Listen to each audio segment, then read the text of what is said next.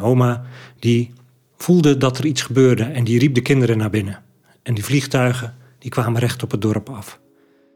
Op 4 mei herdenken we alle oorlogsslachtoffers. En zijn we twee minuten stil. Maar waar denken we dan aan? Dit is het twee minuten verhaal van Johan Provoost, die als 12-jarige jongen het bombardement van Breskens meemaakte. Twee minuten die we nooit mogen vergeten. Zijn zoon Jan vertelt zijn verhaal. In september 1944 uh, was Breskes volgestroomd met Duitse soldaten. Duitse soldaten die op de vlucht waren voor de geallieerde opmars. De geallieerden wilden dit voorkomen.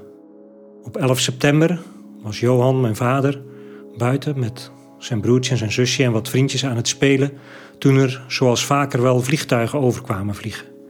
Maar deze keer vlogen ze niet over, ze kwamen recht op het dorp af. En de moeder van mijn vader, mijn oma, die voelde dat er iets gebeurde en die riep de kinderen naar binnen. En ze waren nog niet binnen of bij de haven vielen de eerste bommen.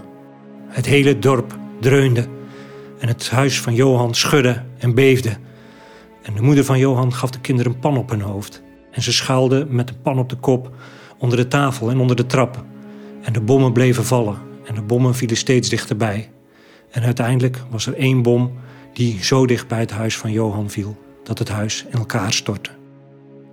En daar lag Johan onder het puin, zijn mond en zijn ogen vol stof, stank, het was pikdonker geworden en op de achtergrond het geluid van de vallende bommen. En op een gegeven moment stopten de bommen en werd het stil. Nou ja, stil. Hoorden mensen huilen en schreeuwen en de moeder van Johan die riep naar de kinderen. Jaap, Johan, Marietje, en mijn vader Johan was de enige die antwoord gaf. Die leefde nog. Hij riep: Mama, hier ben ik. Maar Jaap gaf geen antwoord en Marietje ook niet. Er zat ook een Duitse soldaat onder het puin, die riep ook om hulp. En daarom kwamen Duitse soldaten om de mensen onder het puin te helpen vandaan halen. En uiteindelijk werd Johan onder het puin vandaan gehaald. En wat hij zag was een andere wereld. Alles stond in brand. En uiteindelijk vonden ze Marietje diep onder het puin, dood en de enige die erbij kon onder het puin was mijn vader. En hij moest als twaalfjarig jongetje zijn eigen dode zusje onder het puin vandaan halen. En dat was het meest ingrijpende moment voor mijn vader, waar hij de rest van zijn leven nachtmerries over heeft gehad.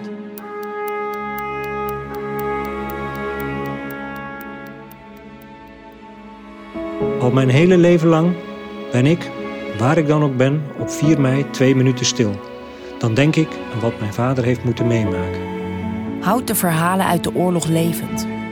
Deel dit twee minuten verhaal, zodat we niet vergeten hoe kwetsbaar vrijheid is